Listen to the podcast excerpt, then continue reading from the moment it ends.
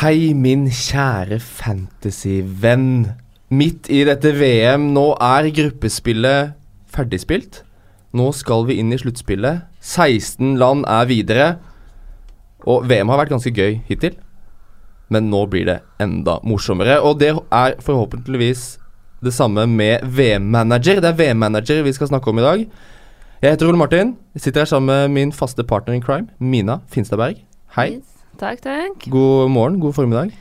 Ja, det er jo litt sånn tomt og mørkt i dag, da. Det er jo ikke noen kamper.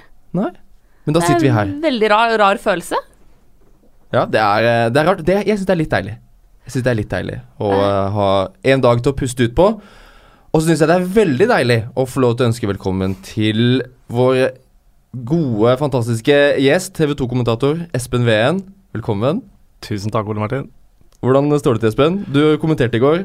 Jeg kommenterte i går, og de Jeg er helt uthvilt. For de siste sju minuttene der, der var det ingen som gjorde noe. Nei. Det var nemlig Japan-Polen. Um, så jeg kunne godt hatt en kamp til i dag, jeg. Ja. ja. Hvilken kamp ville du hatt i dag, hvis du skulle velge? Uh, ja, altså, hvis jeg kunne velge fra tablået her, så tror jeg jeg hadde gått for Argentina-Frankrike. Altså, mm. Hvis jeg kunne velge. Det er jo første uh, åttendelsfinale vi får i morgen, altså lørdag klokken 16.00. Vi skal i denne episoden snakke gjennom alle åttendelsfinalene og gå gjennom uh, de forskjellige landene og hvilke spillere vi har blinka oss ut. Men først må vi jo uh, høre hvordan gruppespillet har gått. Espen, er du fornøyd? Med min managerinnsats? Ja. Ja, jeg vil si det. Eh, til å ha gjort så lite, så har jeg gjort det ganske bra, føler jeg sjøl. Eh, der jeg i Fantasy Premier League eh, Det rakna på kapteinsvalg eh, både i runde én og når Salah fikk millionpoeng og sånne ting. Så har jeg truffet veldig godt nå, med Kane som kaptein på hat trick der. Bytta til Messi i siste runden, så jeg kom på snitt der, selv om jeg nesten ikke hadde spillere. Uh, jeg ligger vel sånn brukbart an i de ulike ligaene, så jeg, jeg vil si uh, terningkast uh, fire. det må være, jeg må litt høyere på ligaene for at det skal være bedre enn det i, i gruppespillet i VM-manager, men veldig godt fornøyd egentlig med egen scouting før, før start her. Det er Terningkast fire er et godt utgangspunkt. Mina, hvilket ternekast vil du gi deg selv til dette gruppespillet? Ternekast null, ja. egentlig. jeg har sagt før, jeg sier den. Jeg har blitt en omvendt kong Midas. Alt jeg tar i, blir til dritt. Og det som på en måte oppsummerer VM-manager for meg så langt, det er nå siste runde, hvor da Marcelo går av med skade tidlig. Hames Rodriguez går av med skade tidlig, og der har jeg jo lagt inn en del penger i dette laget. Og det er altså så bekmørkt. Hadde mm. Coutinho som kaptein, så traff han for så vidt liksom, Han fikk noe med seg litt, da. Mm. Men, Hvor mange poeng har du til gruppespillet, Mina? Og må, må, vi snakke om det? Ja. Uh, skal vi se hvor mye jeg har totalt nå. Det er altså Jeg jeg har faktisk uh, fortrengt det. Uh, hvor mye poeng jeg, har totalt. Skal jeg avsløre det for deg? Ja, du kan godt gjøre det. 117 Ja, Det poeng. er altså så dårlig, det. ja, for det er jo som Doffen sier på Twitter, at mine er vel beviset på at research ikke alltid lønner seg innenfor fantasy. Ligger desidert sist og er vel den som kanskje har brukt mest tid på laget. Hvor mye tid har du brukt, Mina? Jeg har brukt ganske mye tid sånn før VM, men jeg må innrømme da at dette Jeg har vært i, i, studio, og dette er jo første gang noensinne hvor jeg skal sitte i et studio under VM. Eh, så det er jo noe man eh, gyver løs på med veldig mye ærefrykt. Sånn at eh, mye av min manager-research har jo blitt erstatta av å liksom pugge uttale på navn på japanske spillere og liksom sette meg inn i hvilke formasjoner eh, Senegal har brukt gjennom, hele veien gjennom kvaliken og de tingene der. Eh, så det kan hende at eh, laget mitt måtte ja, ha lidd litt under det. Eller så er det bare det at eh, det er så stang ut, liksom. Mm. Det er så stang ut. Henta inn Diego Costa til uh, siste matchen mot Marokko. Uh, og det var jo ikke det at han ikke spilte, eller at han ikke var involvert. Men det blei jo ikke noe som helst. Og Mexico var jo sluttspilt, tydeligvis. Der henta jeg inn et par. og Nei, det, jeg må opp i ringa. Dette er mm. ikke bra nok. Skjerpings. Hvis det går dårlig på VM-manager, så går det i hvert fall veldig bra i TV-studio. Du er, klarer du, det er veldig bra. Det, må jeg, veldig bra. det må jeg bare si. Det bifalles. Ja, det Hvor mange bytter veldig... har du gjort, uh, Mina? Uh, jeg har vel gjort fire bytter. Å, oh, ikke mer, nei. Eh, nei, det skal jo sies at uh, jeg tok jo ut sånn som Hector. Han fikk jo poeng sist, men Tyskland røk jo, så det var greit. Tok ut Mertens, som ikke spilte, så det var heller ikke noe stort tap. Tok ut Milenkovic Savic, min liksom darling, som heller ikke fikk med seg noe som helst. Så tok jeg ut Messi, da. Uh, det var smart. Nei, altså det, det, var jo ikke det, men, uh, men, det var for mye penger som ble bundet opp uh, der med tanke på resten av laget. Så ja. Mm. Jeg selv har 178 poeng, så jeg også ligger på sånn terningkast fire. etter gruppespillet. Um, de to første rundene syns jeg var grusomme. Så til runde tre så gjorde jeg seks bytter. Altså, det var bare å Det, det var nå eller aldri, følte, føltes det som. Og eh, jeg sto ved min mann, Lionel Messi, i eh, siste runde der. Hadde han som kaptein. Og jeg gikk ned altså jeg tror jeg gikk ned 20 kilo når han scora. det var så nydelig. og det var målet òg, for målet å si også, det sånn. Mot uh, Nigeria. Og så satte jeg en Isco og Quintero, så jeg fikk, fikk, inn, uh, fikk inn litt poeng. Så jeg har fått et lite håp om å klare å ikke få ny frisyre etter VM, som uh, er det vi har begitt oss ut på, Mina, i duellen mot Tete og Sven fra Heia Fotball Ja. i P3. Der er det jo slik at eh, den duoen som har færrest poeng sammenlagt etter VM, må få ny VM-frisyre, og status der Det er så grusomt for oss. Der ligger vi begge nederst på tabellen. Det er, altså Både Sven og Tete har flere poeng enn oss. Eh, Det, det ser fryktelig stygt ut for uh, mitt blonde hår. Uh, fordi hvis vi Du er over 100 poeng bak Tete. Ja, det er helt forferdelig. Uh, og Tete gjorde jo mye av de tingene som jeg satt og snakka om på forrige sending at var lurt å gjøre. Jeg gjorde det jo ikke sjæl. Men det, det ser, sånn ting ser ut nå, så ser det veldig ut som jeg kommer til å måtte få Kavani-sveis etter VM. Mm. Og det er det jo ingen unntatt meg som uh, syns er grusomt. Men det, det har jeg veldig lyst til å unngå, så Nei, som jeg sa, skjerpings. Ja. Jeg har jo bestilt time, jeg også, hos frisøren. Det skal bli Neymar på meg. Og da altså førstegenerasjons Neymar. Oi, oi, oi. Det, er- det er med spagettien. Ja. Så eh, ja, det, er, det er viktig å leve i nuet, tror jeg. Bare nyte VM nå mens vi kan. Vi skal uh, ta noen få spørsmål før vi går inn på åttendelsfinalene. Og det er uh, et spørsmål som jeg bet meg merke i, fordi det er uh, verdens kuleste navn. Jeg vurderer å søke navneendring hos Skatteetaten da jeg så det her. Det er fra Mo Lion NG Å, det er fett på. Twitter. Han lurer på hvor mange bytter bør man gjøre før sluttspillet. Nå har jo vi to Mina gjort en del nå før runde tre. Espen, du har gjort Jeg har gjort fire bytter. Jeg gjorde de etter Ja. første runden, og så fikk jeg jo veldig mange poeng i andre runden. Og jeg har et lag nå som står seg veldig godt i åttendelsfinalen, i hvert fall. Så, du gjør ingen bytter nå. Jeg gjør ingen bytter nå, nei. Til de som ikke har gjort noen bytter da i gruppespillet, hvor mange bytter bør man gjøre? For det er selvfølgelig veldig mange som sitter med tyskere her Mm. På laget sitt. Eh, Kimmich, Hector, Royce, Müller, Timo Werner. Det er en bøtteballett som man må kvitte seg med. De bør man jo få ut. Ja, eh, så det er veldig vanskelig å gi et generelt råd på hvor mange bytter, for det kommer helt an på eh, hvordan laget ser ut. Men det er klart, sitter du med spillere som er altså, Eller sitter du med spillere i på en førsteelveren din som er slått ut, som binder opp penger, så er det å få de ut. Og det handler om Mm. det er f.eks. Tyskland. Hvis noen sitter med spillere fra Senegal, de lagene der, eh, så, så må man på en måte få de ut. Men jeg tenker i utgangspunktet å ikke gjøre så mye bytter så lenge jeg har en elver som Mm. alle er i åttedelsfinalen. Mm. De kan fint sitte på benken. Ja, de Det kan helt helt fint sitte på benken. Og da er det, da er det greiere å, å spare med seg litt bytter når du begynner å komme når, Ikke sant? Når da vi går fra 16 til 8 lag, da, så er det jo fryktelig mange som forsvinner ut. Mm. Så jeg vil heller spare til det. Eh, nå er det sånn at jeg mangler én spiller for å kunne stille en full elver. Så jeg- der kommer jeg til å prioritere det. Og jeg har litt i banken, så jeg kommer til å prioritere å få inn en forsvarsspiller som har kamp. Mm. Hvis jeg skulle bytta nå, da, og hadde som du sier tyskere som er dyre og sånn, så er det jo bare å få på spanjoler, tenker jeg. Ja. Det ville jeg gjort. De, eh, alt ligger til rette for at de skal komme langt. Det- Jeg, ja, jeg har ingen spanjoler sjøl, så det kommer jo etter hvert, Mm. når uh, engelskmennene ryker ut. Mm. Tor Håkon Sveen lurer også på om det er lurt å gå over til tre bak. Pga. det kan være mindre sjanse for å holde nullen nå i sluttspillet med tanke på at det blir ekstraomganger. Da vil jo sjansen for å få For å slippe inn er jo større fordi det er, man spiller flere minutter hvis det blir Mm. ekstraomganger. Espen, hva tenker du om det? Eh, Jeg går over til tre bak fordi eh, de to andre forsvarsspillerne mine er ute. Ja. Eh, Escobar han røyk jo tidlig, men det var jo forventa. Men han var jo med på navnet sitt. Han Ja. passa veldig godt inn i Trifan Ivanovs arvtakere. Eh, så Så han måtte inn. Jeg tror nok det ikke er så dumt, samtidig som uh, det har vært veldig lite 0-0-kamper. Nå står det mer på spill. Det er gode defensive lag som er videre. Kan fort få noen 0-0-matcher som går til, uh, går til straffekonk. Nå husker jeg ikke alle sluttspillkampene i EM for et par år siden, men det var ganske målfattig i, i mange av de. Uh, godt organiserte lag hvor kanskje favorittene vil slite med å bryte ned motstanderen, og så har du 0-0 lenge, da. Og da er det jo større sjanse for å få ja, Hvis noen kommer inn, da.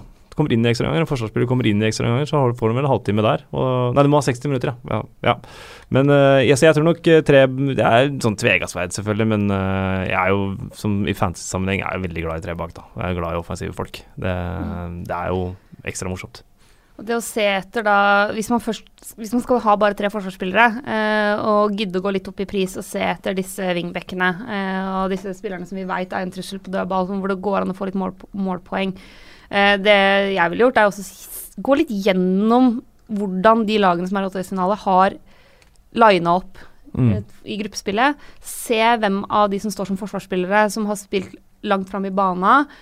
Jeg har jo tidligere snakka om eh, sånn som Mexicos Lion. Det ble jo ikke noe null nå, men han ligger fortsatt som wing. Eh, mm. Skal opp mot Brasil, det kan bli hardt, men det betyr også at det kan bli rom bakover hos Brasil, spesielt hvis Marcelo er ute, sånn at du kan få på noe målpoeng der. Mm. Syns fortsatt at uh, til, til, Belgia er verdt å investere i. Nå møter de Japan. Jeg tror Japan skal få det fryktelig tøft mot Belgia. Så der vil man kunne mm. hente i hvert fall noen målpoeng, da. Så skal man først kjøre tre bak, så ville jeg lagt litt ordentlig med spenn der. Og så, som dere sier, se etter de som man Ikke tenk kun åttedels nå, nå må man tenke litt fram. Det er ikke noe poeng å liksom lesse innpå med billige spillere fra typ Japan, Russland, Sverige, hvis man ikke faktisk tror at de kommer til å gå videre. Mm. Det er veldig viktig å se på eventuelle kvartfinaler. Ja, men, man må gamble litt òg, må man ikke det? Uh.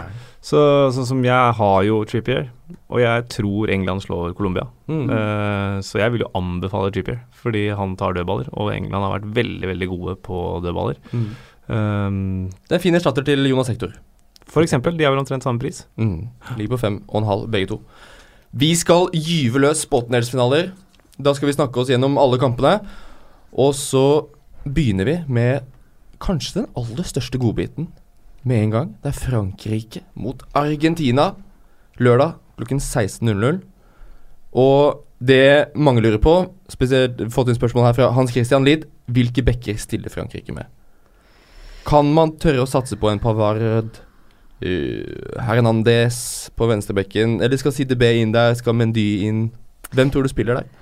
Jeg syns det er vanskelig å spå i utgangspunktet. Det er litt av grunnen til at jeg har holdt meg unna bekkene til Frankrike. fordi der har det vært litt sånn rykter i ulike retninger. Eh, jeg tenker at jeg skal ta en litt sånn ordentlig kikk på, på det før, um, matchen. Og så har jeg en anbefaling når du kommer til Frankrike. Jeg har nevnt han før også. Uh, og det er altså Arillasos, som han heter på Twitter, som jobber i VG, som følger fransk fotball veldig tett. han er ofte sånn at han legger ut i franske medier hvilke startoppstillinger er det folk tror at er mm. sannsynlig der. Eh, og de har ofte vist seg å stemme, så det å følge litt med på det. Men foreløpig så vil ikke jeg gamble på franske bekker. Da, det, da vil jeg heller gå for en av midtstopperne, mm. faktisk, hvis du skal inn i det franske forsvaret. Og så må man jo si at fristen for åttendelsfinale er jo lørdag klokka fire. Mm. Lagoppstillingen kommer klokka tre. Mm. Så man kan fint vente til ti over tre og se hvem som starter og så eventuelt gamble. Mm. Men tør man å gamble på fransk backer, franske forsvarere, mot Lionel Messi, Espen? Nei, jeg tenker uh, her holder vi oss unna forsvarsspillere i den kampen her, for den tror jeg ikke ender 0-0. Uh, eh, så hvis vi ikke har dem fra før, så ville ikke jeg satt inn noen forsvarsspillere fra verken Frankrike eller Argentina. Da, de som sier, skal opp mot Messi. og ja, jeg skal være forsiktig med å trekke historiske, paralleller, men det var vel mitt første VM. Sånn, mitt første ordentlige VM var 94, da, men mitt første VM hvor jeg fulgte litt med, da var det jo Maradona som dro Argentina gjennom, et, et ganske svakt Argentina gjennom. Eh, Messi, ja, hvorfor ikke i år? Eh, Vi snakka jo om det før eh, Argentina møtte Nigeria, Espen. Mm. At er det én ting du skal gjøre nå, så er det å beholde Messi. Ja, og, og det er som William også spør, skal man fortsatt beholde Messi nå? Jeg kommer i hvert fall til å gjøre det. Ja. ja altså Har man jeg holdt uh, Messi nå, så er det bare å beholde det. Og Jeg må si, altså jeg vil ikke friskmelde Argentina etter den uh, matchen mot Nigeria. Det er fortsatt problemer der. Men du så likevel, spesielt fram til de fikk den straffa mot, at det var et annerledes Argentina enn det vi har sett i de to første matchene. Mm. Det var et Argentina med mer innsats. Det var et Argentina hvor pasningene satt litt bedre. Messi var mer involvert. Uh, og så er det noe med hva slags type boost får de nå, da. Mm. De kommer seg videre helt på tampen av matchen. Fordi Marcus Rojo, av alle, skårer det avgjørende målet. Det, er en av altså de gangene hvor jeg har sett at Messi faktisk ser ut som en leder på banen. Han er jo egentlig ikke en kapteinstype Nei. i det hele tatt.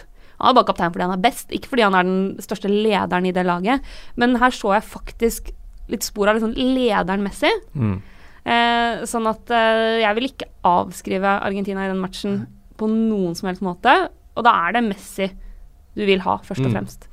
Ja, Sklitakling hans på overtid er jo et eksempel på det du sier, eh, Mina. Det, jeg har ikke sett han sklitakle før, jeg, men nå ser ikke jeg så mye Barcelona som mange andre, da, men det var sånn typisk som bare Oi, han gjør det, ja.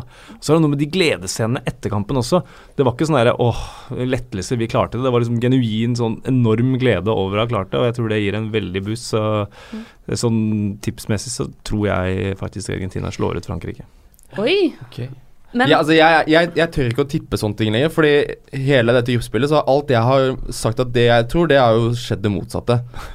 Samme Så, så jeg, jeg, jeg tror Frankrike er et sterkere lag, så jeg tror jo de uh, går videre. Men vi har jo ikke nevnt Griezmann eller Pogba eller Giroud eller noen andre i denne kampen her. Er det, er det kun Messi som er eh, den man skal ha i denne kampen her? Eller er det noen andre man kan hente inn? jeg tenker skal du ha en argentiner, så er det Messi du skal ha. Mm, mm. Uh, og det handler litt også om at det er såpass mye usikkerhet i laguttakene her. Mm, Og hvem ja. som egentlig tar ut spillerne, om det er Messi eller Sampaoli som bestemmer hvem som starter. Sånn at der er det for mye usikkerhet rundt de offensive spillerne. Når det kommer til Frankrike, så er jo Det skal jeg snakke litt mer om senere, men, men skulle jeg gått for noen der, så ville jeg gått for Kylian Mbappé. Eh, og vi har sett det gjentatte ganger at Argentina sliter defensivt. Mm. Det er mulig ja, å finne rom der, uh, men da er det han Da er det nok Mbappé jeg ville gått for. Og ikke Eh, Uh, Ikke Griezmann. Uh, jeg syns ikke han har vært spesielt god i VM, for å si det rett ut. Nei, jeg er helt enig i det. Han har, er blant de som har skuffa. Altså, det er ikke det at han har vært liksom elendig, men når du veit hvilket toppnivå Griezmann har inne, så har ikke han klart å få det helt ut i dette franske landslaget. Litt samme med Pogba, som vi har snakka mye om før. Eh, ja, han fikk, fikk den skåringa tildelt eh, i den første matchen, men utover det så har det liksom ikke blitt så voldsomt mye. Og da Nei. Mbappé eller ingen. Mm. Ja, jeg tror jeg slenger, jeg slenger Pogba litt inn i miksen der òg. Altså, han er vel um, han har 8,5 eller noe han koster. Så det er, jeg syns han er et alternativ. For jeg, som jeg sa i stad, jeg tror ikke det blir 0-0. eh, og tror Pogba vil være involvert offensivt, selv eh, selv om han ikke har vært eh, på en stund nå, der man forventer at han skal være. Men uh, vi får se. Jeg, jeg, jeg tror iallfall holde seg langt unna forsvarsspillere. Og Mm. så Pogba Mbappé eh, offensivt. Mm. Så er det gøy, jeg må bare nevne bonusmagneten Ngolo Kanté. Ja. han koster syv millioner, altfor dyr, men uh, den Men mannen en av fortjener VMs hvert eneste beste poeng. spillere. Ja, Mm. Det er fantastisk å se. Um, vinneren her, da, Frankrike-Argentina, møter da vinneren av Uruguay-Portugal, som spilles klokken åtte, noen timer etterpå.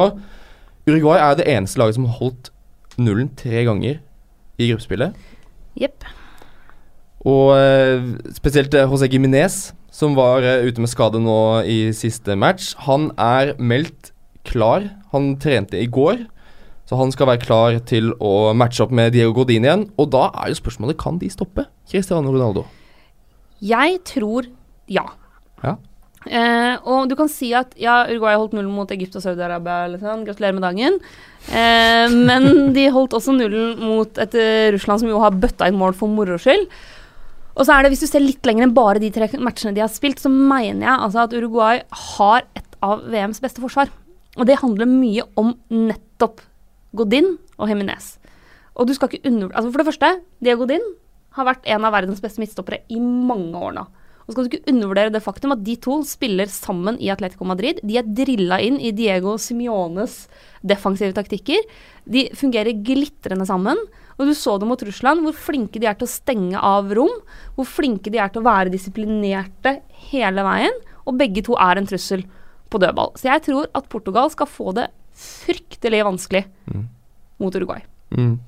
Men hvem velger man av Cavani Suárez, eh, Espen? Altså det er Vi snakka masse om Edinson Cavani før VM. Det tok altfor lang tid før Mm. han endelig fikk skåringa si. Det er jo Luis Suárez som har vært main man Mm. på topp der.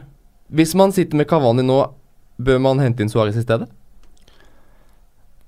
Er det en stor prisforskjell?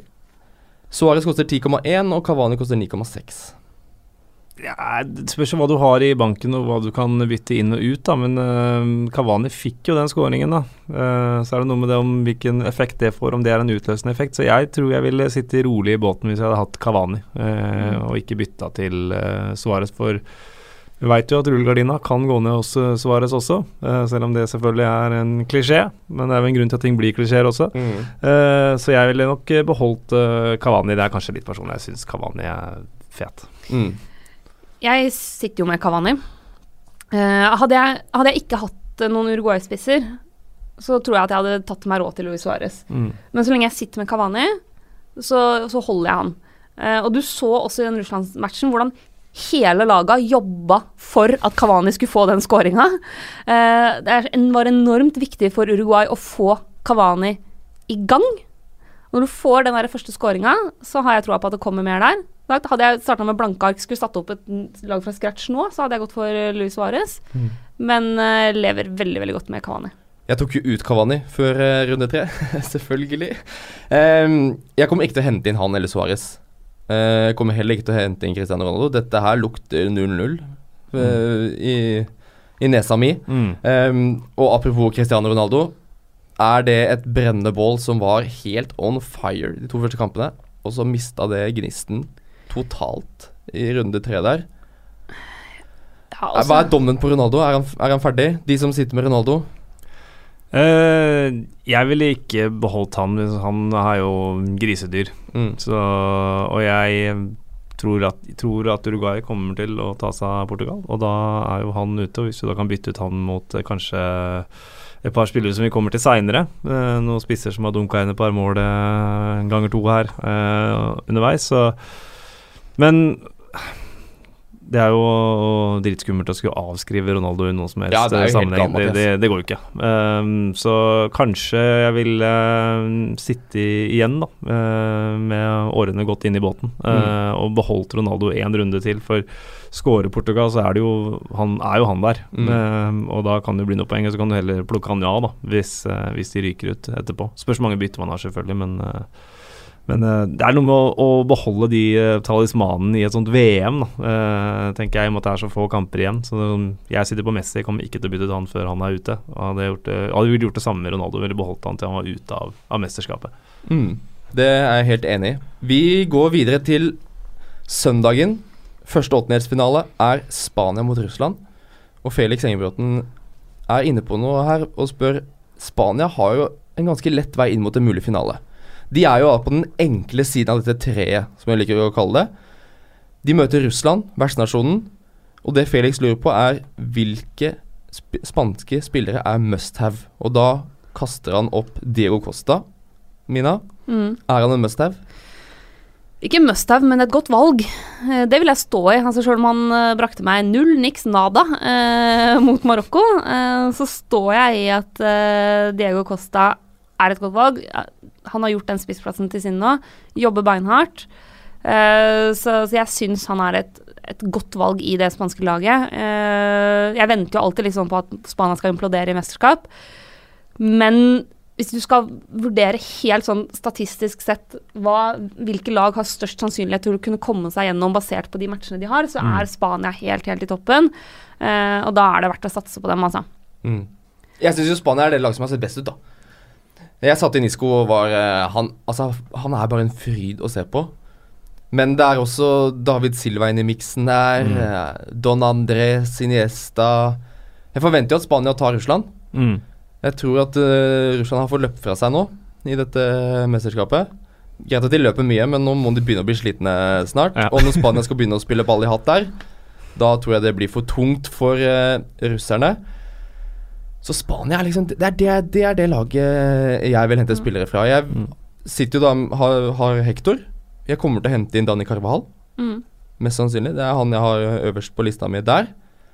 Og da har Isco på midten. Carvahal foran Jordi Alba. Ja, det er egentlig litt uh, bare for å prøve å hente inn litt på eierandel, uh, mm. egentlig. Uh, Spania har ikke sett kjempesolid ut, men Jordi Alba har 12% eierandel, Carvahal har 1,3. Mm. Så det er altså bare fordi jeg prøver å være litt hipster òg. altså, Ja, er jeg må bare prøve å ha det litt, uh, litt kos. Så fikk jo Carvajal halv assist også mot Mar- Marokko sist. Men Espen, hvem må man ha fra Spania? Er det noe must-haves der? Jeg syns det er veldig vanskelig med Spania, fordi, og det er litt sånn paradoksalt fordi, fordi de er så gode, alle sammen. Uh, at det er utrolig vanskelig å spå hvem som skal gi deg poeng i en fantasy-sammenheng. Uh, hvis jeg skal ha en must-have Men det som på en måte er X-faktoren her, er jo den der man of the match uh, mm. og bonuspoengene. Uh, så hvis jeg skulle valgt én fra Spania nå, så tror jeg jeg ville gått for, uh, for Isco. Eh, med Costa på en eh, god andreplass, og så eh, David Silva på Mm. en god tredjeplass. Det er de tre spillerne fra Spania, i hvert fall offensivt. Og så um, defensivt så Sergio Ramos har ikke skåra ennå. Han pleier å komme Pleier å være matchavgjørende, eh, ofte med positivt eh, fortegn. Så det kan også være en mann, men han koster vel eh, godt med, med Gryn i banken. Så, men jeg, jeg har ingen spanjoler eh, selv. Eh, kommer nok høyst sannsynlig, hvis de slår Russland, noe de sikkert gjør, til å hente inn noen da. Eh, men, eh, men jeg syns det er vanskelig, og det er kanskje grunnen til at jeg ikke hadde noen på laget mitt fra starten i mesterskapet heller. Fordi syns det er vanskelig å vite hvem av de fantastiske spillerne som faktisk kommer til å levere poeng i en, i en sånn sammenheng som det her, da. Men sånn som med David Silva, da. Han koster ni. Mm. Han er én million billigere enn Isco. David Silva er den som tar straffer. Og i dette VAR-kakafoniet vi har fått uh, denne sommeren, så er det jo et kjempegodt poeng å gå for den som skal ta straffer. Ja. Og så er det som du er inne på i stad, bonuspoeng. Det er, skjønner at det kan være frustrerende og lite forståelig noen ganger, men det er altså den som får tre bonuspoeng, er den som Fifa velger som man after match. Og det er egentlig ikke Fifa som velger det. Det er det menig mann, mannen i gata og kvinnen i gata og barnet i gata som stemmer på Fifas offisielle nettside på Twitter. Mm. Og da blir det ofte de store navnene. De store stjernene. Og veldig ofte da, hvis det er en stjerne som har scora, så er det tre poeng. Mm. Eller hatt en nazist, eller bare liksom hatt en ikke-bedriten kamp. Mm. Eh, så derfor så er det, det er litt sånn det er, da. Da er det vanskelig å vite Ok, her i Norge så er jo kanskje David Silva regna som den liksom største stjerna i det spanske laget fordi han spiller i Premier League, men du må ikke glemme at i veldig store deler av verden så er liksom Barcelona og, og Real Madrid det som virkelig får folk til å stemme, og da er det, da er det Isco og, og sånn som kanskje ligger best an. Men kan jeg hive inn en sånn skikkelig gæren gamble fra det spanske laget? Altså, han kommer ikke til å starte, men Marco Ascencio. Ja. Nesten Ja. ingen som eier den. Koster 8,3. Eh, og kommer nok ikke til å starte, men er en spiller som når vi skal over til det skal være ekstraomganger og greier og greier Mm. Han har et fantastisk skudd. Eh, og har vist i flere matcher at han kan komme inn fra altså for Real Madrid, komme inn fra benken og bli matchavgjørende. Så hvis man virkelig har lyst til å gamble og bare gå all in på noen ingen andre har, Mm. så er det en mulighet. Ja, da er det jo Da er det jo loco i Acapulco, altså. Det er jo Jo, heftig. Men jeg vil bare slenge det inn at da, da eh, står du godt. Ja, men jeg vil bare slenge det inn at uh, Ja, ja. Der, han er en av de som liksom eh, Når du, vi begynner med ekstraomgangene, som Mm. fort kan bli kasta på for å Mm. avgjøre. Mm. Så spørs det om uh, Spania trenger ekstraomganger mot Russland og hele den, Ja. den der. Jeg, det er gamble, men det er jo et veldig deilig gamble da, hvis det går inn. Jeg har jo hatt eh, Golovin i Russland eh, hele gruppespillet. Jeg kommer til å ha han helt til han ryker. Eh, de som sitter med Cherisev Altså, disse russerne, de lar man bare stå. Og så får det være gøy så lenge Mm. moroa varer. Er vel konklusjonen der. For på søndag, noen timer etter Spania-Russland, så er det Kroatia mot Danmark. Det er da vinneren av Kroatia og Danmark skal møte vinneren av Spania og Russland. Igjen så sier det på at Spania kan Mest sannsynlig få Spania og Kroatia. Jeg er ganske trygg på. Og Luka Modric. Ja. Jeg legger meg paddeflat for at jeg har eh, sagt eh, for en liten uke siden at Modric er eh, en du skal holde deg unna. Det er, noe, det er noe av det dummeste jeg har sagt noen gang. Nå har jeg sagt mye dumt, men den topper nok lista, for han Mm. til 7,7, er det ikke det? Jo. Har kanskje vært VMs beste spiller hittil, og nå gjør han jo alt. Han skårer og gir målgivende og er helt sjef. Der snakker du om en kaptein som virkelig leder laget sitt, Mm. altså på alle mulige måter. Eh, og dette er liksom Det er Luka Modric siste sjanse i VM, sannsynligvis. Mm. Eh, jeg tenker jo at hvis det er sånn at Hames Rodriguez sin skade er eh, alvorlig, så er Luka Modric til 7,7 ganske god value for money nå, altså. Jeg også trodde at han kanskje ikke skulle være så mye involvert i selve målpoengene, men han har den skuddfoten sin. Du ser nå at han driver mye framover, er eh, aktiv også i angrepene. Og så er det litt det at Kroatia har på en måte ikke Altså de, de har sånn som Manzukic på topp, som er en veldig hardtarbeidende, oppofrende spiss. Eh, men han er ikke den store stjerna i laget, så han er ikke den de liksom hele tida søker etter. Og Modric får ha en ganske fri rolle. Så jeg syns det ser mer og mer fristende ut.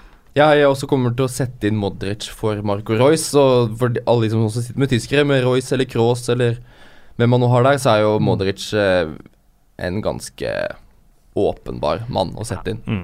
Også, hvis man trenger å gå for noen som har lavere eierandel, eh, så er faktisk også Ivan Rakitic et alternativ. Han ligger mye dypere i bana, men både i Barcelona Han er jo dyrere, til og med. Ja, men både i Barcelona og i, i Kroatia så har han vist at han uh, også er, kan være veldig målfarlig. Mm. Det er mer sånn hvis man ønsker å, å gå for noen som har litt lavere eierandel, eller Ivan Peresic, også mm. dyrere enn Modric, mm. uh, men, men eid av uh, veldig få. Ja. Men Danmark da, Espen? De har utrolig nok hatt to smultringer i gruppespillet. Mm. Mot null to ganger. De som satt på Henrik Dalsgaard, har jo fått betalt herfra til evigheten. eh, det er for seint å sette på Dalsgaard nå, ja. selv om han koster 4,3. Men Christian Eriksen Er han for aleine i det laget der? Jeg vet det er en del som sitter på den danske prinsen. Ja, Det er i hvert fall ingen grunn til å bytte han ut før kampen uh, mot uh, Kroatia. Uh, og selv så sitter jeg jo med Thomas Delaney og venter på at 180-millionersmannen skal vise fram skuddfoten. Det kan jo forhåpentligvis han gjøre det mot Kroatia. eller jeg ser egentlig ingen gode investeringsobjekter i det danske laget. De skal få det tøft mot Kroatia. Og så, hvis det går som de aller fleste tror, så så tenker jeg den der enkle veien til semifinale for Spania, den tror jeg vi skal uh, ta det litt rolig med hvis, hvis de møter Kroatia. Da. Mm. Men det er en litt annen, litt annen, uh, litt annet tema. Uh, nei, ser ingen grunn til å hente inn noen dansker før den kampen her. Det er litt sånn fordi Danmark har jo kommet seg så langt først og fremst som kollektiv. Mm. Koll altså kollektiv pluss Christian Eriksen er jo egentlig det som oppsummerer Danmark. så Derfor syns jeg det er vanskelig å liksom plukke de spillerne som bortsett fra Eriksen, da. Mm. Uh, som jeg føler meg sikker på at skal levere. Jeg elsker jo en spiller som Pionsisto, men han har ikke helt fått det til i, i VM. Uh, eh, Yusuf Paulsen er litt sånn, lager litt straffer, scorer litt, men altså der, der er det mye forskjellig, da. Ja. Uh, sånn at det er vanskelig å liksom plukke hvem av danskene som kan eventuelt krangle inn et mål mm. mot Kroatia hvis det ikke skal være Kristian Eriksen. Mm. Jeg må bare beklage til min danske bestemor, men hun hører ikke på dette uansett, fordi hun eh, har høreapparat. Men Danmark har vært fryktelig dårlig i dette VM og kommer til å ryke mot Kroatia. Så beklager, bestemor. Men da hopper vi videre til mandagen. Brasil-Mexico. Yes. Det lukter krutt eh, hele veien eh, til det kalde Det varme Norge som vi sitter i akkurat nå. Brennhet. Det er brennhet her, og det er ganske brennhet rundt Marcelo nå. Hva skjer med Marcelo? Plutselig så bare stoppa han. Han sto stille på banen, og ingen skjønte helt hva som hadde skjedd. Han gikk av banen etter 10-11 minutter, eller hva det var. Brasils fotballforbund har sagt at han er frisk. Det var en krampe, men den skal gå fint. Og så kommer altså den brasilianske legen og sier at årsaken til at Marcelo har fått denne krampen, er madrassen på hotellet. Det oppstår mer som sagt min VM-managerrunde her, hvis det er madrassen til Marcelo som gjør at han må ha der. Det her har du ikke gjort god nok uh, researchen min, da. Uh, dette burde du satt deg inn i. Kjenne til hotellene til uh, Jeg Tar sjølkritikk på den. Men uh, Brasil fotballforbund tror jeg vi skal stole på. Hvis de melder at han er frisk og klar til kamp Dette er jo på mandag, så det er fortsatt noen dager til. Så tror jeg Marcelo blir klar.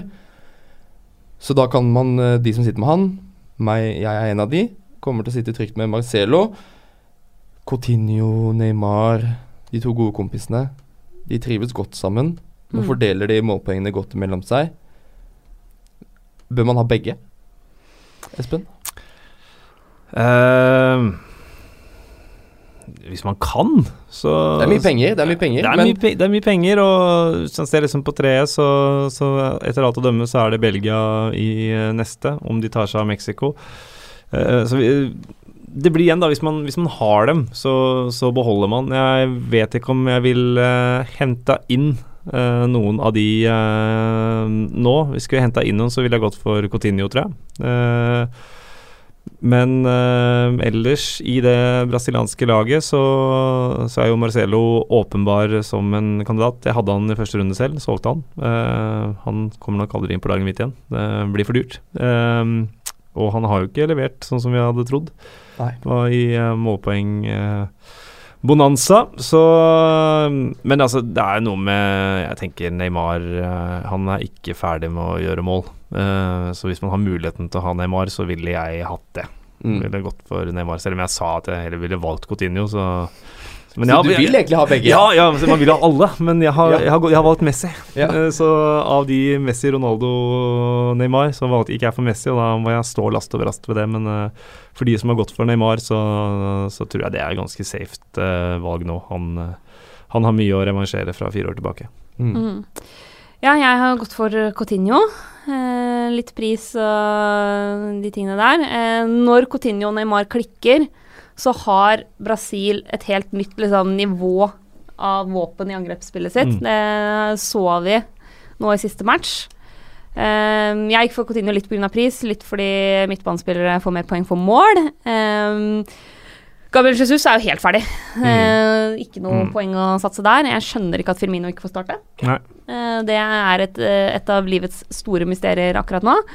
Og så må vi jo nevne og hylle Paulinho. Mm. Altså, den avskrevne, latterliggjorte Paulinho. Eh, det er fortsatt sånn at jeg tror at både Coutinho og Neymar kommer til å ta mer målpoeng framover enn Paulinho, men til 7,6. Mm. Og så er eh, Paulinho mye verdi for pengene, altså. Mm. Så hvis man, eh, sit, hvis man sitter med et par av de her de, Den prisklassen spillerne som Mm. har røket ut, Ja. og ikke vil gjøre mange nok bytter til ta, at man kommer opp på prisen til Coutinho og Neymar, så er det verdt å ta en sjanse på Paulinho. Han har 7,6 koster han. Mm. Eid av 15 allerede. Mm. Og det er jo ikke sånn at liksom ja, dette er det ene målet Paulinho skåra. Han var en av de som skåra mest i kvaliken. Like mange mål som Neymar. Ja, Mm. Han har skåra litt for Barcelona. Han har til og med vist at han er litt sånn der big match player. Og så må jeg si at Mexico-Brasil, der tror jeg det blir mål. Der, Jeg føler meg temmelig sikker på at der får vi ikke ekstraomganger. Eller hvis vi får ekstraomganger, så er det ikke fordi det er 0-0. Nei, helt enig i det. Men av, med Paulinho, eneste ankepunktet er at han ofte blir tatt av. Mm. Fordi eh, Brasil ikke henger helt sammen når de skal forsvare en ledelse. Mm. Spesielt bakover der. Så du kan gå på en smell at han blir tatt av etter 58 minutter, og så sitter du igjen med ett poeng. Mm. Men eh, jeg er helt enig i at der er det mye potensiell verdi i Paulinho. Jeg syns han er frisk, og det er gøy å ha han på, på lag. Men over til Mexico så spør jo Sindre Hangeland. Han sitter med Lozano og Salcedo. Skal han ta de ut før Brasil-kampen? Jeg vet at du også sitter med meksikanere, Mina. Mm. Hva gjør du med Jeg sitter med de. Du sitter med de? Ja, jeg tenker å gjøre det. Uh, en til de ryker. Jeg syns, jeg syns det er vann... Altså, det er hardt å skulle gamble ved å ta ut spillere som har åttedelsfinale. Mm. Uh, i det mesterskapet her, hvor vi har sett har vi at ting kan gå alle veier. Og jeg syns Nå spilte Thiago Silva en helt fantastisk match mot Serbia. Han var glitrende. Men jeg syns ikke at uh, det brasilianske forsvaret har sett potte tett ut. Og så har de backproblemer. Mm.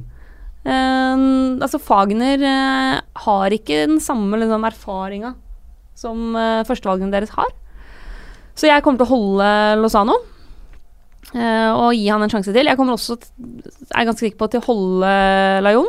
Jeg tror ikke han får clean sheet-poeng mot Brasil. Det har jeg ingen trua på. Men han ligger fortsatt såpass offensivt at eh, jeg syns det er verdt å ha han Ja. med i én match til.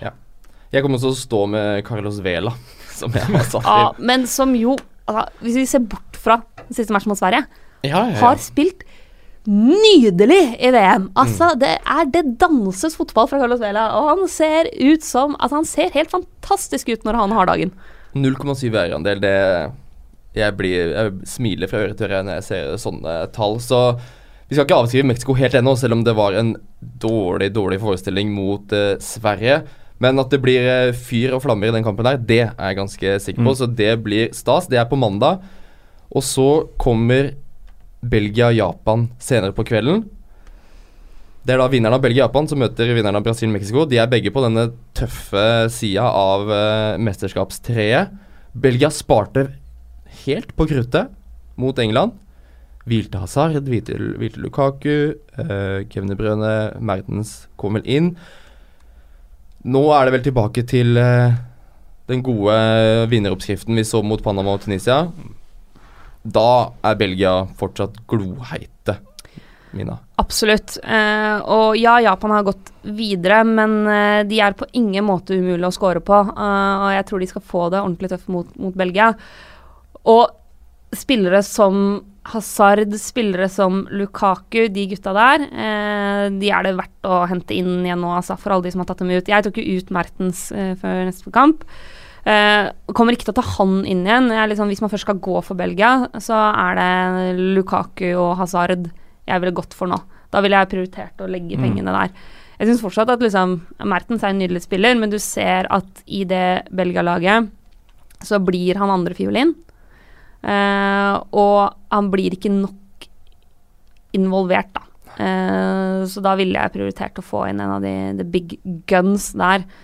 Og så syns jeg fortsatt at Thomas uh, Munier ser ut som et veldig godt alternativ å ha i Forsvaret. Mm. Jeg tok ut Hazard og Lukaku jeg før runde tre, for jeg var ganske sikker på at de skulle hvile, så det er for så vidt fint. Mm. Men nå sitter jeg og har bæsja i buksa. For eh, nå eh, Ja, de har den enkleste åttendelsfinalen Mm. mot Japan. Så Belgia, Espen, der eh, må man jo bare laste inn.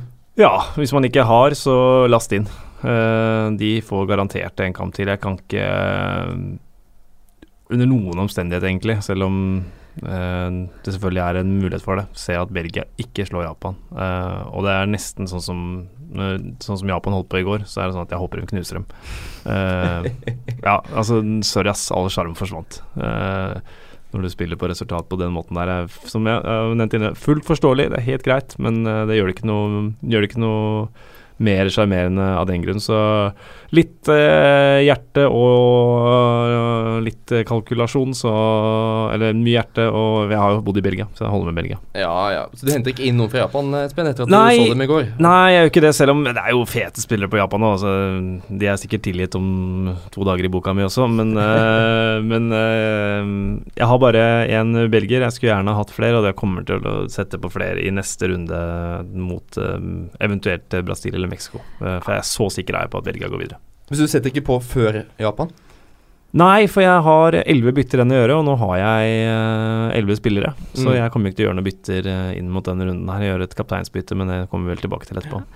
Hvis man skal ha noen fra Japan Altså I utgangspunktet ja, skal skal, jo ikke man jo ikke men- det. Ok. Eh, så tror jeg ville gått for Takashi Inui. Ja. Han starta ikke nå sist, men, eh, men det Men, men ok, Bel eh, Japan gjorde seks bytter. De gjorde bytter i alle ledd Ja, ja. i den siste matchen. Veldig, veldig rart. Mm. Eh, men uh, da er det Altså Inui har vært mye involvert eh, og er eh, forholdsvis billig. Eller Osako som spissalternativ til 4-7. Mm. Eh, men, men igjen, nå er vi ute på liksom Hvis du skal eh, gamble, eller Mm. hvis du av, av en eller annen grunn har liksom bestemt deg for at du har klokketro på Japan, Mm. så er det de to spillerne jeg ville sett til. Ja. Mer hipster blir det vel ikke. Nei. Hvis du setter inn på tre japanere nå, da Ja, da Altså, da er det bare at Den båten du da har eventuelt har satt eh, full gass på, den er det bare å slå av med en eneste gang. Og eh, blir det ikke noe sommerferie i Tokyo med familien med det første, Espen? Nei, det gjør ikke det. Men, eh, men som sagt, eh, gi meg et par dager, så, Ja. så er sikkert alt tilgitt. Så alt litt. Vi går videre til eh, tirsdagens kamper. Da er vi over på den enkle siden av eh, treet igjen. Og Da er det Sverige mot Sveits. Sveits Mm. og Grankvist. Altså den store forbundskaptenen. Han er jo Altså Snakk om å dra med seg straffemål og clean sheets og Akkurat som Mikael Bjørklund påpeker, han er vel hyperaktuell nå. Mot Sveits, som de fint kan slå. Mm. Og sitter man med Grankvist, så er det bare å sitte gjennom den Sveits-matchen også. Eh, og han er, en, han er lederen i det svenske laget. Mm. Uten tvil. Eh, og han har vært god, altså.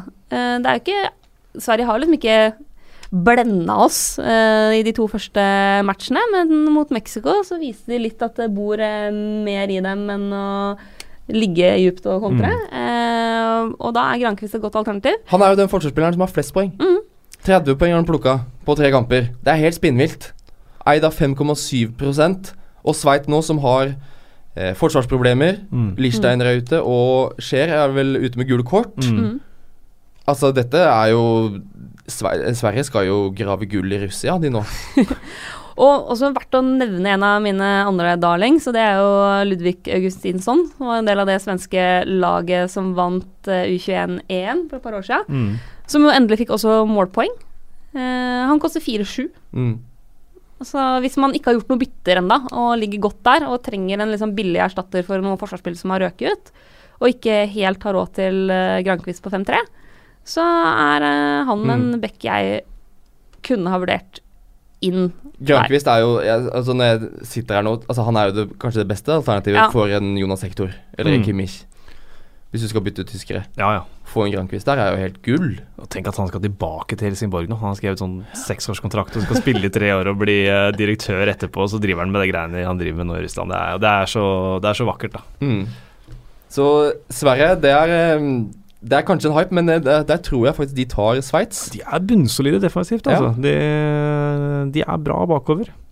Selv om altså Blerim Dzemaili, Mm. Som er altså Det er han du setter på Football Manager på uh, cornertrack offensivt. Løp fra dypet. Ja. Der setter du Dzemaili, fordi han løper bare fra dypet og scorer så å si hver eneste gang han kommer inn i boksen der. Eh, ja, gjør han det, ja, Ole Martin? han gjør kanskje ikke det, da. Altså, jeg har sett han ganske mye i Serie A, og han gjør ikke det. det er, eh, men, han, han hadde, en, hadde et hat trick der for Napoli for noen år siden, det glemmer jeg aldri. Men uh, han hadde også et hat trick av sjanser mot eh, Serbia hvor han ikke satte dem. Og, Så jo da, nei, men han gjorde det sist, i hvert fall. Ole Martin. Eller, ellers så er det selvfølgelig Apropos forsvarsspillere som tar straffer. Ricardo Rodriguez. Ja. Fem og en halv. Ja, han satte jeg inn, og det var jo ett poeng rett i lomma. Det er kjempedeilig. Men han tar, han tar straffene for, uh, for Sveits. Det er jo verdt å nevne. Straffetakere er eh, det man skal gå etter, altså. Og i hvert fall når de er forsvarsspillere. Mm. Ja, Eh, ja, unnskyld. Ja, og ellers så er det da uh, Sherdan Shakiri, uh, som er kanskje den offensive spilleren som jeg Hvis jeg skulle satt penga mine på at en av Sveits sine angrepsspillere skulle få målpoeng, så ville jeg satt dem på Sherdan Shakiri. Eh, og jeg tror han har lyst til å vifte med den ørnen en gang til, nemlig. Ja. I Er, det, tillegg ja. er det Stoke-hjertet som snakker, eller er det Nei, ok, Men den, den andre i det sveitsiske angrepet er det du tenker Ja, at det er Steven størst eh, sjanse for? Nei, men, men også men spesielt kanskje mot uh, Sverige, hvor Altså Skal du score på Sverige, så tror jeg at eh, det er eh, det å ha en uh, kruttønne av en skuddfot eh, fra 20 meter, eh, Mm, ja. kanskje er måten å gjøre det på, og det er jo Shakiri territory. mm. Det det. Jeg kommer ikke til å sette han inn. Nei. Jeg, ble litt ivrig der, sorry, Stamina. Men eh, det var jo fordi uh, Steven Suber han har ganske bra sånn målesnitt eh, for Sveits altså de siste Mm. matchene. Ikke, Riktignok ikke de to siste, men før det så tror jeg han hadde seks målpoeng på fire kamper. eller noe. Han spiller garantert. Så hvis man har troa på at Sveits går videre, så kan det være Han er ganske billig. 5,6? Jeg vurderte han før denne runden her. Veldig glad for at jeg ikke gjorde det, men, øh, men øh, det kan være et alternativ. Og hvis man bare har lyst til å bruke et bytte bare for moro skyld, så kan man jo også sette på han Michael Lang som kommer til å spille for Lichsteiner, for han er ganske, ganske målfarlig. Jeg mener han skåra i EM for et par år siden. Ganske høyreist eh, back som er med offensivt oppe på corneret og sånt noe, så han kan ikke koste mye, det kan jeg aldri tenke meg, men øh, 4-9. ja, men jeg, jeg ville aldri gjort det sjøl, da. Så jeg kan ikke anbefale andre å gjøre det. Men uh, han kommer i hvert fall garantert til å spille, da. Mm. Det, blir, eh, ja, det blir en herlig match, den Sverige-Sveits. Det blir Altså, det er jo to lag og to trenere som tenker at vi spiller åttendedelsfinale er jo egentlig helt rart. Dette her har jeg ikke forberedt meg på. Og så mot de! Også mot de andre som i hvert fall ikke skulle vært der. Jeg hadde ikke forventa å møte Sveits eller Sverige, for den saks skyld. Nei, Det kommer til til å bli nydelig, det. Og den eh, vinneren eh, der, tro det eller ei, Sverige eller Sveits skal spille i kvartfinale i VM, og da skal de møte Colombia eller England. James Rodriguez. Ja, altså, den Eh, tar jeg på min kappe. Jeg gjør jo det. Det er din, det er din feil? Ja, nei, altså, det er åpenbart. Ja. Det, er, det er jo bare å innrømme det. Så jeg beklager, på, beklager overfor Mm. det colombianske folket at jeg har snakka opp Hames Rodriguez så voldsomt og dunka han inn. Det, dette er min feil. Det har vært masse demonstrasjoner utenfor den norske ambassaden Ja. i Colombia med plakater av Mina Finstadberg og kryss over bildet og alt mulig. Men skadestatus der er jo at eh, Pekermann, treneren, han har ikke peiling på Han har ingen peiling på når Rodriguez er tilbake. Det er vanskelig å si. Han frykter det verste. Um, så skal man si at dette er jo først tirsdag, der Colombia skal spille igjen. Mm. Så det er, det er ikke godt å si. Jeg har, jeg har ikke noe svar på om Rodriguez blir klar. Så man må jo ta en avgjørelse da før lørdag klokka fire om uh, man skal stå med Hames eller ikke. Mina, hva gjør du? Jeg er voldsomt usikker, men akkurat nå så tror jeg at uh, Hames ryker for f.eks. Modric. Mm. Akkurat nå. Når treneren er såpass usikker, så, så tror jeg det, altså. At jeg ikke tør å gamble på det. Jeg gambla på at han skulle bli klar til første match. Mm. Det ble han ikke. Uh, sånn at, og Colombia med og uten Hames er to helt forskjellige lag. Mm. Men jeg tror altså, Sånn ting er nå, så tror jeg ikke jeg tør å satse på det. Nei. Men Men- du, hadde ikke tatt han ut mot Senegal? Han var fortsatt på laget ditt da? Ja, han var på laget mitt, Ja. da, men da var han jo erklært frisk. Ja, Men kan Han hadde jo trent som normalt helt opp til kampen. Ja. Alt så fint ut. ikke sant, men kan det ikke være et uh, spill for uh, galleriet også, dette her, da? At uh, han eh, blir klar uansett? Jeg tror hvis jeg hadde Jeg hadde han jo egentlig på laget mitt, men så bytta jeg han ut eh, altså før VM starta, da. Eh, men jeg tror jeg ville nok beholdt han hvis jeg hadde hatt han. Men tror du, altså, når du tenker på hvor viktig han også er for, for Colombia, for det colombianske folket, tror du virkelig at treneren vil liksom dra dem gjennom den usikkerheten der? Samtidig som England vil jo måtte forberede seg på å møte James Rodriguez, eller ei. Eh, Så selv om han er veldig viktig, så tenk deg hvilken boost det er for det colombianske folket om han da spiller, ikke sant. Mm. Så Og det kan eh, være boost for England hvis han ikke spiller. Nettopp. Sånn at eh, hvis de vet at han ikke spiller, så kan de forberede seg på en annen måte. Og hvis de colombianere får eh, England til å forberede seg på at han ikke spiller, bla, bla, bla, bla, så så det er jo helt i det blå. Men eh, hvis det er en eh, prosent sjanse for at han skal spille, så, eller kan spille, så gjør han jo det. Mm. Men i denne fantasiverdenen vi lever i, så må vi jo Mm. ta en avgjørelse da før eh, lørdag. Så det er nok det beste rådet. Hvis Storm står med så er det bare å krysse fingrene for at han blir klar. Men Colombia, trenger de egentlig Hames? Rodriguez, når de har Juan Quintero? det er jo det store spørsmålet. Jeg satte inn Quintero, jeg, før eh, matchen mot eh, Senegal. Det var fint, det. Ja. Gøy å se den eh, lille maikeren eh, spille litt ball. Han er Han koster nå 5,4. Han har hatt et vanvittig prishopp fra 5 blank til 5,4. Eh, men fortsatt kjempegod verdi. Er jo da blitt liksom ballsentralen offensivt for Colombia der. Mm. Og definitivt, hvis du tenker at en spiller som Juan Cuadrado koster 8,1, Mm. så er det jo bare å gå for Quintero. Det er Ja, ja. mye, mye bedre alternativ. Uh, nei, Vi snakka jo om det før den runden. Vi snakka litt om hvilke bytter vi skulle gjøre. Uh, og Quintero er en sånn- Der er det gull, altså. Mm. Det er klart at eh, det kan bli tøft mot England. Eh, men samtidig, til 5-4, så er det en gamble som er absolutt verdt å ta. En gamble det ikke er verdt å ta, det er han som kom inn for Hames, Louis Muriel. Eh, fordi det er altså en, eh, en av de mest frustrerende spillerne jeg veit om. Jeg har sett han ganske mye.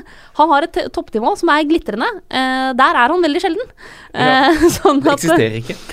Nei, altså jeg har jo sett han herje i Serie A, tidvis. Eh, men han er en sånn spiller hvor du ser at det er enormt potensial, og det er veldig sjelden han får det ut. Så for dere som tenker at ja, men da kan jo det være interessant, det ville jeg ikke gjort. Nei.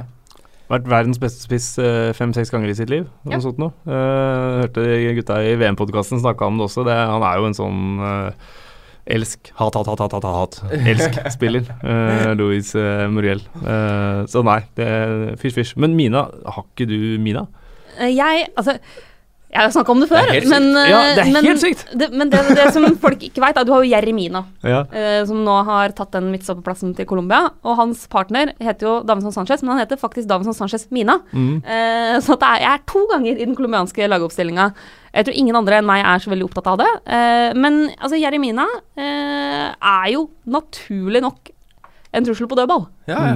Altså, han er jo en kjempe av en mann. Sånn at eh, for de som har plukka opp han, det er bare å holde der, altså. Der kan, kan det bli mer mål. Og nå er jeg sikker på at han starter også mot England. Han har 27 poeng Ja. hittil på tre kamper. 0,79% har han på laget sitt. Det er også helt, det er helt nydelig. At du ikke Du er en av de, Mina. Mm. Jeg tar sjølkritikk igjen. Ja. Og har man Falcao, så sitter man på Falcao, Mm. vil jeg også si. For England eh, Sånn som de har sett ut Altså Harry Kane, da. Han har fått fem mål som er De to første, det er greit. De er, de er bra. De, hat tricket han får der mot Panama Uff, det er tullete. Men eh, han blir vel toppskårer nå, Espen? Når de er England er på den enkle sida. Si de tar Colombia, så møter de Sverige eller Sveits i kvarten, og da er England plutselig i semifinale. De er det. Uh, de må jo forbi Colombia, da. Men uh, Harry Kane er must have, spør du meg. Mm. Eh, rett og slett. Og sjeleglad for at jeg sitter på den. Mm. Ja, jeg har vondt i sjela for at jeg ikke har eh, Harry Kane eh, på Ja. laget. Det gjør, det gjør vondt. Han Nå spilte han ikke mot Belgia i går, og det er, jeg tror egentlig bare er fint. Mm. Den ankelskaden vi så litt til i april-mai her i, i Premier League, den virker å være borte. Den virker å være borte. Jeg, Altså Når han blir truffet i ankelen og Ja. da er han jo helbredet. Det er jo ikke noe å si på. Men uh, det er jo flere engelske spillere som er aktuelle her.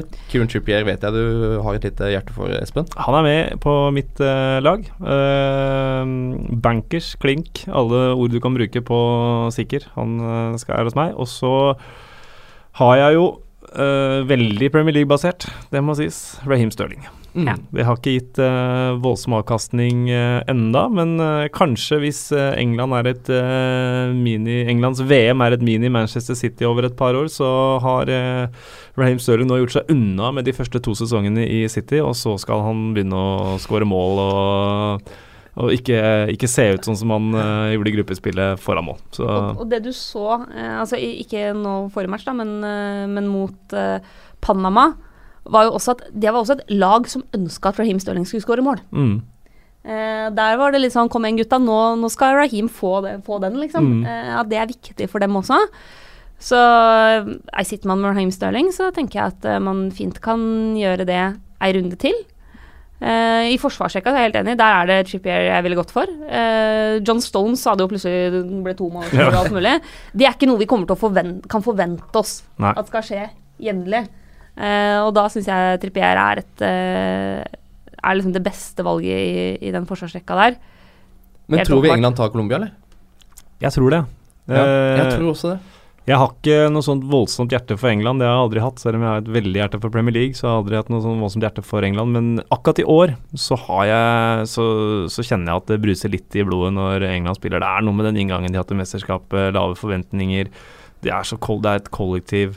Eh, neste forsvarsspiller som scorer, kommer til å være Harry Maguire, uh, osv. Ja. Uh, jeg, jeg tror faktisk England slår uh, Colombia, og da er de brått i semifinalen. Altså, det er jo helt uh, spinnvilt med det utgangspunktet. Mm.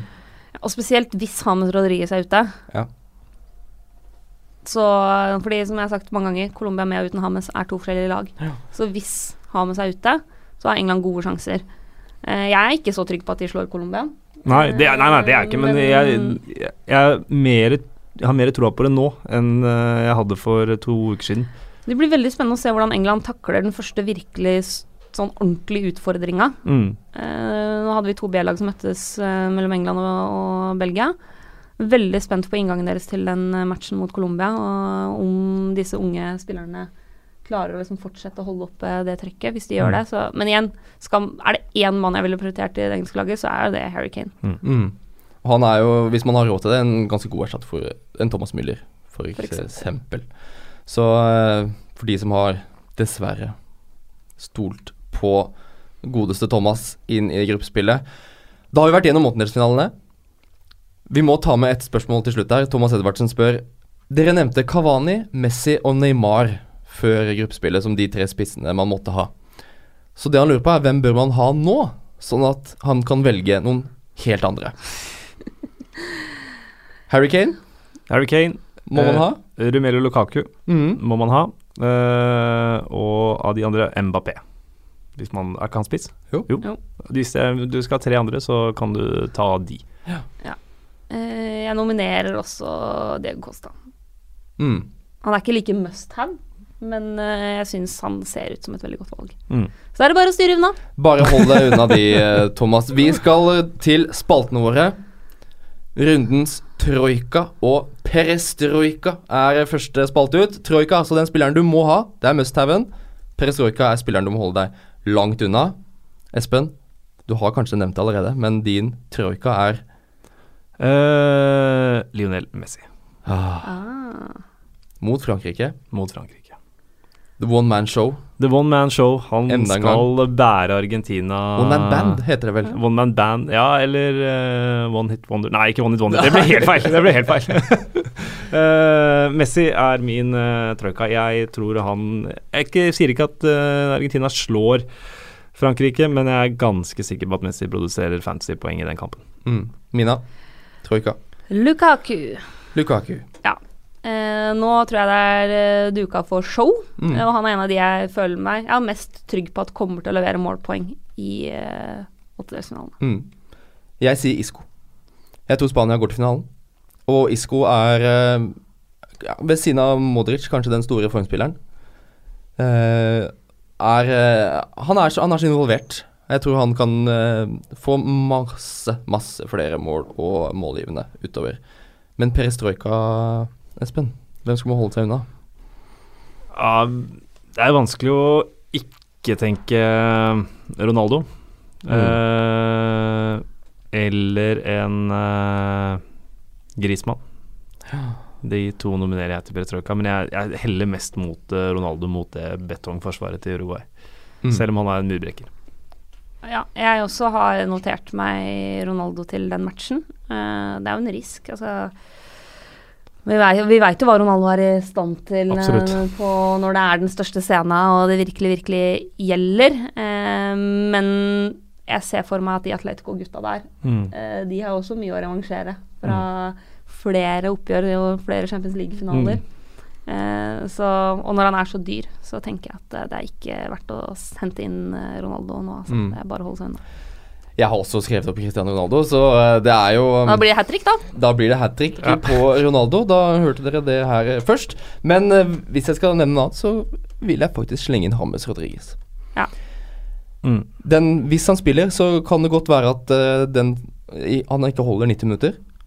Sjansen for at han blir tatt av, at den skaden er verre enn antatt. Man tar kanskje en gamble, Mm. så rykker han. Og så Jeg har trua på England mot uh, Colombia. Rundens KGB-spion skal vi videre til da. Det er altså den, mann, den spilleren som eh, ligger og lusker i terrenget. En eh, god gammeldags diff. Mina? Ja, eh, Mbappé han er eid av bare 5% Det er veldig, veldig rart. Mm. Eh, men det er han som har sett friskest ut for Frankrike. Eh, og jeg tror han kan skape mye trøbbel mot Argentina. Så han tenker jeg kan være et godt, godt navn inn i den runden der. Mm. Espen? Uh, jeg har jo to, hvis det er lov. Det er så lov. Uh, Spioner jobber jo alltid i team. Ja, men nettopp det. Og ha, da finner du ikke en bedre spion enn Sherisev, som har bodd hele livet sitt i Spania. Uh, hatt et Har eh, infiltrert ja, ja, ja, ja. Spania! Hatt et fantastisk mesterskap. eh, mye å reversere, for nå holdt jeg på å si han ble vel utvist, men det gjorde han ikke. Han ble bytta ut. Deilige minus to, der, ja, ja, minus to poeng der. Da fikk jeg igjen fordi jeg satt og, og klappa meg sjøl på skulderen for jeg plukka han inn runden før. Og så bare ja, ja. Den eh, beit meg tilbake, den. Uh, nei, uh, jeg tror hvis noen gjør mål for Russland, så er det han, er han involvert. Så det er en spion, og det passer jo for så vidt at han er russer sånn sett. Uh, og så Markus Berg. Ah. Mannen uh, uten evne til å treffe mål, bortsett fra i uh, Er det Saudi-Arabia han spiller? Uh, men han skal spille mot et vaklende Det er kanskje litt tidlig å si, Sveits-forsvar, uten uh, Scheer. Har hatt mange sjanser, er stor og sterk. Eh, dette er Markus Berg sin kamp, og hvis jeg skjønner dette er riktig, så har han en eierandel på 0,81% så da er han jo superspion. Ja, det er en superspion. James Bond uh, Nei, hva heter han der svenske Hamilton? Det er Hamilton, ja. ja. Markus Berg, det er nydelig. Altså, det er jo Jeg kjenner jeg blir varm i hjertet når jeg bare får svensker kasta opp på bordet her. Det er nydelig. Jeg har så lyst til å se Sverige langt i dette VM-et. Min spion, det er eh, Ivan Perisic. Den eh, håper jeg bryllupsreisa til Henrik Dalsgaard på høyrebekken i Danmark der, den er over. Nå skal han få kjørt seg mot eh, Perisic. Perisic er satt opp som spiss. Jeg vet at det er en liten deal-breaker, men Perisic koster åtte. Sitter du på Timo Werner, så hiver du ut han, og så hiver du inn Perisic. Han har 2,3% eierandel, og den venstreslegga der tror jeg kommer til å straffe Danmark og sende de hjem til København. Rundens Putin. Den store lederen. Ja. Rundens kaptein. Espen, hvem er kaptein i åttendelsfinalen? Lukaku Lukaku. er min kaptein. Det er uh, ferdig. Ferdig snakka. Ferdig snakka. Det er, det, er, det er jo ingenting å argumentere for. Nei On fire, den eh, store kjempen. Mina? Ja, nei, jeg skal også til Belgia. En spiller jeg ikke har sjæl, men Eden Hazard. Jeg, jeg er tryggere på at Lukaku får uh, skårer, Mm. uh, men uh, Hazard har et høyere tak, poengtak. Så er det en spiller jeg tror virkelig kan eksplodere i den matchen der, så er det Hazard. Mm. Vi uh, sier det jo titt og ofte, Mina, at vi er samme person. Ja, og stemmer det. Dette er nok en gang bevis på det, for jeg har også en Hazard som min Putin, min kaptein. Det er, det, det er de små ekstrapoengene han får for mål og sånt, men Lukaku også er jo definitivt oppe i miksen der. Belgia møter det dårligste laget i åttendels. Mm. Og da blir det nok et målshow fra Belgia. Nå eh, er det bare å gjøre de siste fine endringene på laget sitt. Vi har kommet til veis ende, egentlig. Ja. Det var, nydelig, det. Da har vi snakket oss inn i åttendelsfinalene. Vi har eh, litt oversikt over hvordan det kommer til å bli. Tror vi. Vi vet jo ingenting. Så det er jo helt utrolig at vi får lov til å sitte her og preke tull såpass lenge. Godt over en time. Fristen er lørdag klokka fire. Yes. Det er da enten i morgen eller eh, i dag, alt ettersom når du hører på. Tusen takk for at du har hørt på så lenge. Det er, setter vi stor pris på. Takk for alle som har sendt inn spørsmål, både på Twitter og på TV2 fotball-VM-gruppa på Facebook. Og Espen, tusen hjertelig takk for at du kom. Nå skal du til Telemark. Nå skal jeg til Telemark. Nå Hva skal du i Telemark? Nå skal det stakes. Nå skal det stakes. Ikke jeg, da. Men Northug og Johaug skal stake eh, livsskitten ut av eh, overarmene sine. Så Nei, det blir gøy, det. Telemarks eh, det er en sommerfest på rulleski, så en liten VM-pause for meg. Men eh, jeg skal nok få med meg noen kamper eh, mellom slaga der nede også. Ja, og du bestiller nok ikke en tur til Tokyo med det første. Ikke med det første. Nei, det gjør det ikke. Tusen takk for at du kom, Espen. Det har vært en glede å ha deg her. Tusen takk for at jeg fikk komme. Alltid hyggelig. Ja, skal jeg love å skjerpe meg. Ja. Bli eh, opp, på, opp på hesten nå, Mina. Så sier vi lykke til med åttendelsfinalen. Kos dere med de utslagsgivende nå kampene. Nå, altså. Nå, nå begynner VM. Nå begynner VM for ordentlig.